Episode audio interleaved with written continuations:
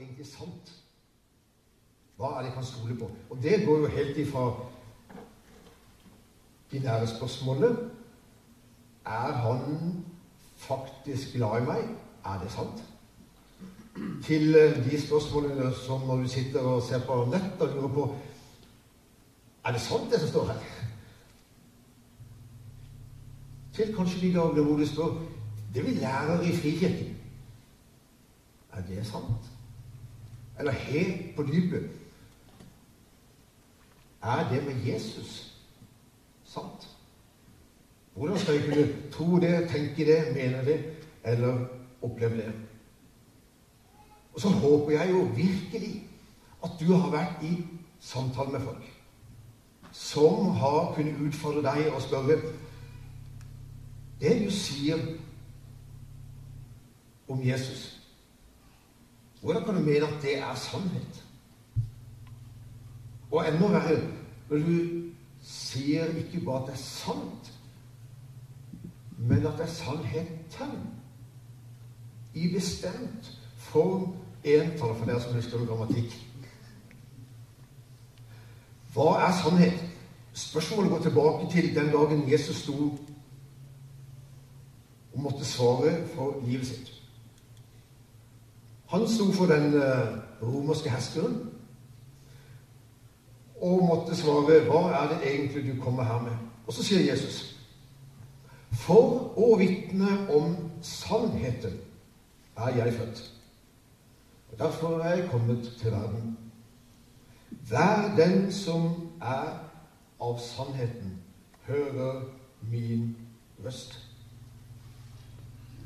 Så kommer det bare ett enkelt skuldertrekk fra Pilatus. Hva er sannhet? Han hadde hørt mange ulike folk på ulike steder som hevdet at de hadde sannheten.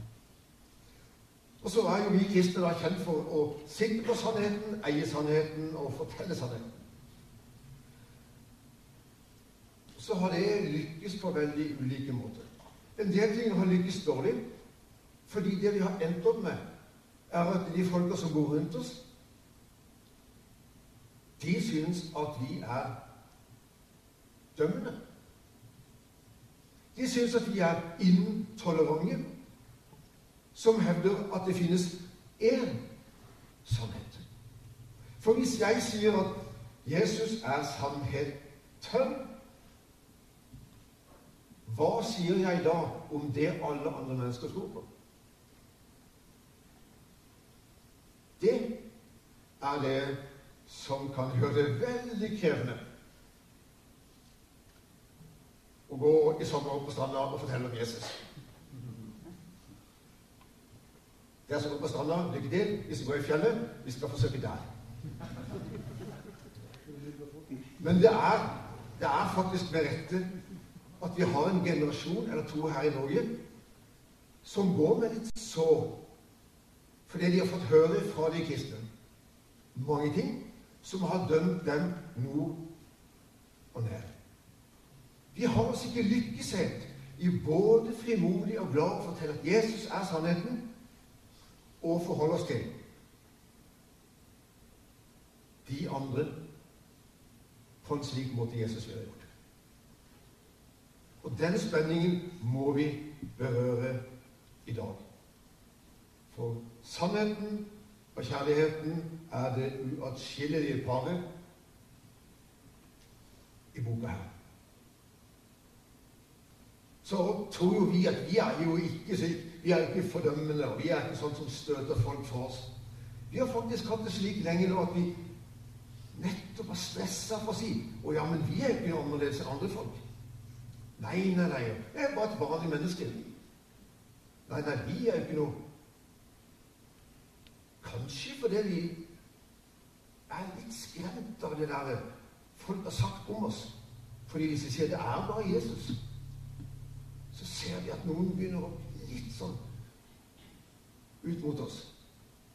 Og så prøver vi å dempe oss ned og så trekke oss litt tilbake og bli litt mer synlige for ikke å provosere noen. Men er det veien å gå? Hvis Jesus er sannheten. Vi ønsker ikke å være dømmende. Vi ønsker ikke å være intolerante, slike som får et dårlig ord på oss. Og vi er enda mer såret på det nå enn vi var for 20 år siden. For hva er verdibegrepet i dag? Det er at alt er like godt. Alt er like rett. Og toleranse er det som går over absolutt alt. Og så står vi der litt sånn nervøse og lurer på hva, hva, skal jeg si da? Hvordan skal jeg formulere meg for ikke å støte noen? For, for ikke å hevde at, at bare jeg har sannheten, og dere andre tar feil. Så når du snakker med dine venner, forhåpentligvis og som Jesus hvordan forklarer du da at akkurat det med Jesus er det ene punktet som alt dreier seg om, og som er det som er vippepunktet, at enten følger du Jesus, eller så følger du ikke Jesus? Det er ikke trendy. Det er på en måte ikke sånn det skal lyde i dag.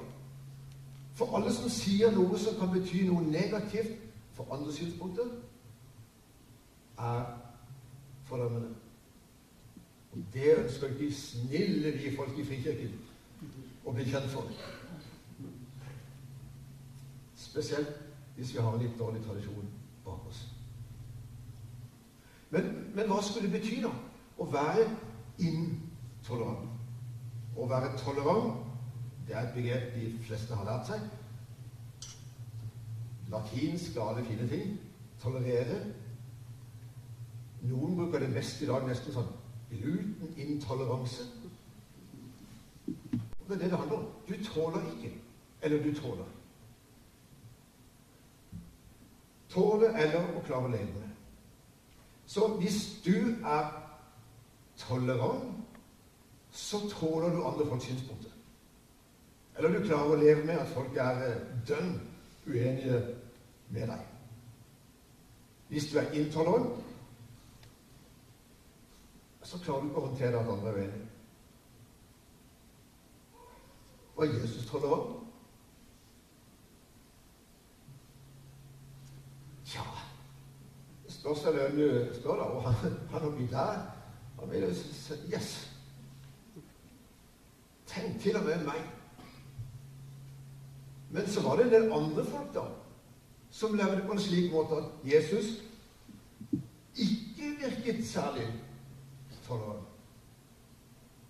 Han sa til en gjeng med folk at dere er som kalkede graver. Utvendig er dere fine og pusset, innvendig full av dødningbein. Oho, forsøk den på Dagbladets første side. Hva hadde du blitt kjent som da?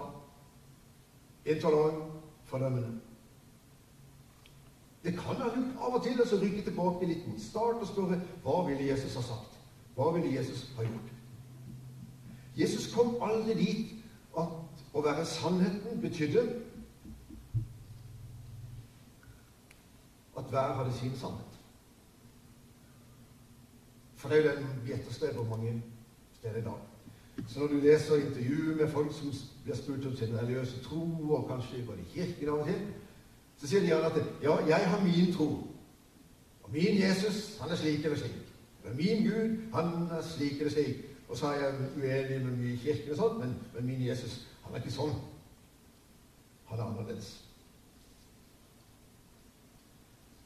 Problemet er jo at Jesus står frem i møte med mange andre synspunkter mange andre lærere, Og så sier han at det er bare én sannhet. Og så får folk reagere. Og det gjorde de. Du kan bare ta blikket bakover. Ikke bare disse faseerne og skriftlærere, som ble kalt for kalkelige gaver, Men han, han, valgte å ikke gå på kompromiss. Jeg husker den rike unge mannen som sikkert hadde mye bedre status enn han i Og som gjerne ville være et Guds barn. Og spurte hva skal til? Og så fortalte han hvor fint han levde, alle lovene og budene han hadde holdt. Alt så helt strøkent ut. Inntil Jesus peker på det ene punktet og sier du, hvis du vil følge meg Bare en liten detalj igjen. Selv alt det du eier. Gi de fattige. Husker du hva som skjedde? Mannen tenkte seg om, snudde seg, og jeg tror sørgmodig, og gikk bort fra Jesus. Hva gjorde Jesus da? Vent litt. Vi mener det jo ikke så bokstavelig sånn. Det er ikke det at du må akkurat Dette kan vi omformulere på et annet vis, og det viktigste er at du viser sinnelag som gjør at vi har et inntrykk av at du kunne tenke deg å gi den dagen noen hadde spesielt behov for dette. Jesus la ham gå. Det finnes ikke kompromiss. Det er provoserende. Og Nå sang vi akkurat om den ene av de 99, og her er det en sjanse på den ene og lot han gå. Det er av og til noe som er sannheten i bestemt form entall.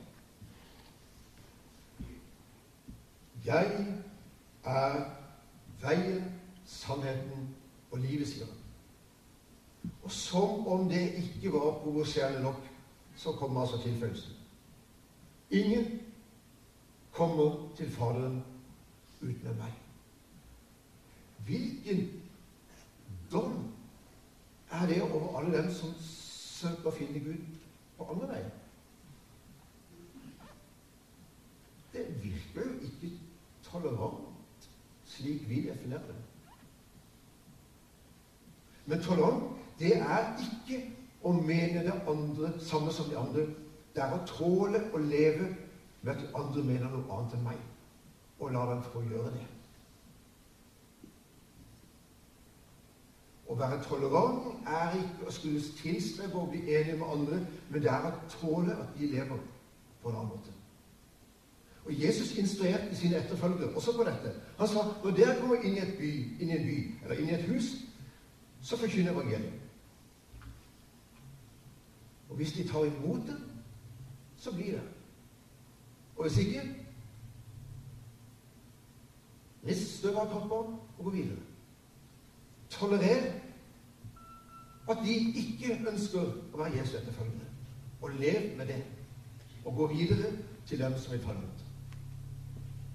Det er toleranse. Og ikke tvinge noen til å bøye seg for Jesus, men å skulle la folk leve annerledes og tåle det. Så Jesus hevder en total eksklusivitet når det gjelder å komme et rett forhold til vår skaper og Gud. Ingen andre veier ved siden av. Så om eh, begrepet 'alle veier fører til ro' er sant, så er det altså sant også at det er bare én vei som går til Gud. Så dersom vi fastholder Guds ord som eneste rettesnor for tro, lære og liv, så vil det medføre at vi sier til mennesker ting som sårer dem, nemlig at alt handler om Jesus som veien til Gud. Og dette tror jo vi at dette er denne. Som frikirke så sier vi i vår skriftsynserklæring denne evangelisk-lutherske frikirke tror, lærer og bekjenner. De profetiske og apostoliske skrifter i Det gamle og nye testamentet er Guds ord. Og dette Guds ord er eneste regel og rettesnor for tro, lære og liv. Og Guds åpenbaringsord, slik det er overlevert i Skriften, er gitt én gang for alle som en realitet. Og Vi hevder derfor med glede og frimodighet at Skriften som autoritativ, profetisk og apostolisk forkynnelse er eneste, men også tilstrekkelige kilde for all kristen tro, forkynnelse og liv. Det er den kirka vi tilhører, står for. At det vi trenger, det står her. Her finnes sannheten. Og den sier det er bare én vei til Gud, og den går gjennom Jesus Kristus. Lever vi det? Lever du det som enkeltperson? At dette er det du lever av, ved og etter, som det eneste stedet å hente næring til to? Det stedet som viser deg veien, som leder deg gjennom livet, og som er veien til Gud. Hvis du spør mennesker og sier noe slikt, så vil du i hvert fall kunne få tre forskjellige responser. Den ene er at Hvem tror du at er? Kom her og hevd at akkurat det du snakker om, at det skulle være sannheten, liksom. Har du noe mer rett enn jeg har rett? Og så kan det være den som vi sier det til, som sier So what? Interesserer meg ikke. Og så er det den som bøye seg og si Hvis dette er Guds ord, og dette er sannheten, så søker jeg Jesus. Det er de tre. Og vi skal få lov til å hjelpe mennesker til å komme til det tredje punktet. Men hvordan skal du da hjelpe mennesker på den veien til å se at det som står her, faktisk er sant? For Jesus kan si sannheten. Det er mer enn alt er sant. Sannheten sånn sett er en person. Men det forutsetter at det som står her, er sant. Med noen mennesker så skal du og jeg få lov til å gå et stykke vei. Og så skal vi få lov til å vise hva som står her. Og av og til så kan vi til apologitikk, som vi sier, få lov til å drive trosforsvar og si at det, det, som står her, det er ikke noe som noen bare sitter og skrevet ned. Noen har sett, hørt og skrevet. Jeg vet jo ikke alltid om det jeg hører og leser, er sant. Og jeg har en sunn med jeg da, kritisk innstilling til dette som er sagt nå. Stemmer det? Er det sant? Og litt avhengig av hvem det er som forteller. Men hvis eh, kona mi eller en av guttene mine kommer og, og sier at det, det, 'Jeg har hørt og sett. Det er det.' Ja, så tror jeg det jo. Fordi de har vært øyenvitner. De har sett det, og det er de som forteller til meg, og jeg har tillit til dem. Det samme gjelder fortellingene om Jesus. Lukas formulerer det slik i begynnelsen av sin bok. Mange har forsøkt å gi en fremstilling av det som er blitt oppfylt iblant oss, slik vi har fått det overlevert av dem som helt fra først av var øyenvitner og tjenere for ordet. Nå har også jeg bestemt meg for å gå nøye gjennom alt fra begynnelsen. Og skrive det ned for deg i sammenheng, ære Teofilos, så du kan vite at det er pålitelig, det du har blitt opplært Dem som har sett og hørt, det er øyenvitner som forteller det. Og Peter, som har skrevet et brev ganske langt bak i Nytestamentet her, han stresser der. Han sier at vi fulgte jo ikke klokt uttenkte myter da vi fortalte dette til dere. Men vi var der på fjellet selv. Vi var på, på fjellet. Vi så Jesus. Vi hørte stemmen fra det høye. Vi bevitner at dette er sannhet. Men det store spørsmålet er Gud Gud? Det finner du aldri noe bevis på.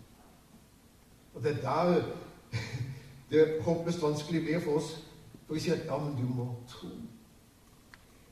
Kan du si til et menneske ja, men du, du må bare tro? Må vi si dette for Sett i gang og tro. Men det er faktisk troen. Han som sier 'Jeg er sannheten', han er ikke blant oss lenger. Jesus. Men Før han dro, så sa han ok, jeg skal ikke la dere bli alene nå. Jeg kommer til dere. Jeg sender dere sannhetens ånd. Han skal tale til dere. Han skal minne dere om alt det jeg har sagt. Så Jesus, som sannheten som gikk rundt fysisk, er det ikke lenger, men Den hellige ånd kaller Jesus for sannhetens ånd. Og det er den som er hos deg og meg, og som kan skape den troen som sier ja, jeg velger å tro. Gud, skap den troen. Og noen dager så er vi der, og så tror vi noe voldsomt. Så tenker vi det er bare Jesus, bare Jesus. Andre dager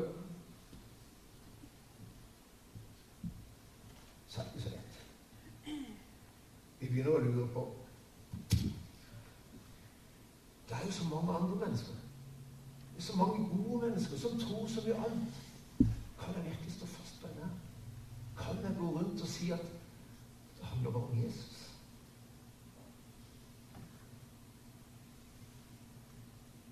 Så kommer Den hellige ånd, og så minner han om det som Jesus har sagt. Jeg er veien, sannheten og livet. Ingen kommer til Faderen uten meg. Og så den siste setningen som skal ta med igjen. Som Paulus eh, skriver. Så skal vi ikke lenger være umyndige småbarn, ikke la oss kaste hit og dit av enhver læres spill, så vi blir bytte for menneskers falske spill og listig forførende knep. For de fleste av oss kjenner av og til at det er mye som lokker på oss av andre lærere. Men vi skal være tro mot sannheten i kjærlighet, og i ett og alt vokse opp til Ham som er hodet Kristus. Og Det er det siste du skal ta med deg. Å leve sannheten, tro i kjærlighet. Det er slagordet i budbæreren, avisen vår, bladet vårt. Alltid vært det. Sannheten, tro i kjærlighet. For har du, har du merka det på deg selv? Hvor lett er å gå i den ene grøfta eller i den andre? Vi skal være veldig sanne, og vi skal være veldig tro mot sannheten. Og så blir vi dømmende. Vi blir ikke engang tolerante. Vi, vi, aksepterer på en måte ikke at folk sier 'jeg er humanist', eller 'jeg er muslim', eller 'jeg tror på noen ting'. Skal vi være tolerante, så aksepterer vi det svaret og sier 'jeg hører det', og så sier vi godt. Men vi kan komme til å bli tro at vi er så tro mot sannheten at vi dømmer og peker og kjører ned alle. Det er misforstått nidkjærhet for evangeliet. Sannheten tro i kjærlighet. Og kjærligheten er faktisk ei grøft, det også. For vi tror vi skal være snille med folk. Og ikke si sannheten. Det vi stort sett gjør da, det er å forsøke å være snille med oss selv. For vi syns det er ubehagelig. Så bare viker vi unna. Og så er vi ikke glad i folk. For hvis vi var glad i folk, så hadde vi fortalt dem sannheten, selv når den er ubehagelig. Det vet vi fra dagliglivet vårt. Så dette er kallet, mine venner. Sannheten tro. Finnes bare én sannhet. Det finnes bare én vei til Gud. I kjærlighet. Uten Guds kjærlighet i våre liv så blir sannheten ord, fekting og dom. Det er Jesu kjærlighet i våre liv som kan gjøre at vi er i stand til å gå ut til mennesker og si det var én vei. Han som sier han er sannheten, han er veien, han er livet, han er rimelig. Og så finnes det ikke noen vei, så, så vær presis. Jesus er veien, sannheten og livet. Det finnes ingen andre. Og så Hvordan innretter du livet ditt nå som du veit det? Hvordan lever du denne sommeren når du nå veit så godt? Jeg skal ikke ha det svaret, men jeg tror Gud venter på det fra deg nå. Ta deg tid til å svare. Dette er seriøst for Han elsker så ufattelig mange mennesker som ennå ikke har fått høre sannheten. Og noen av dem bor i vår bydel.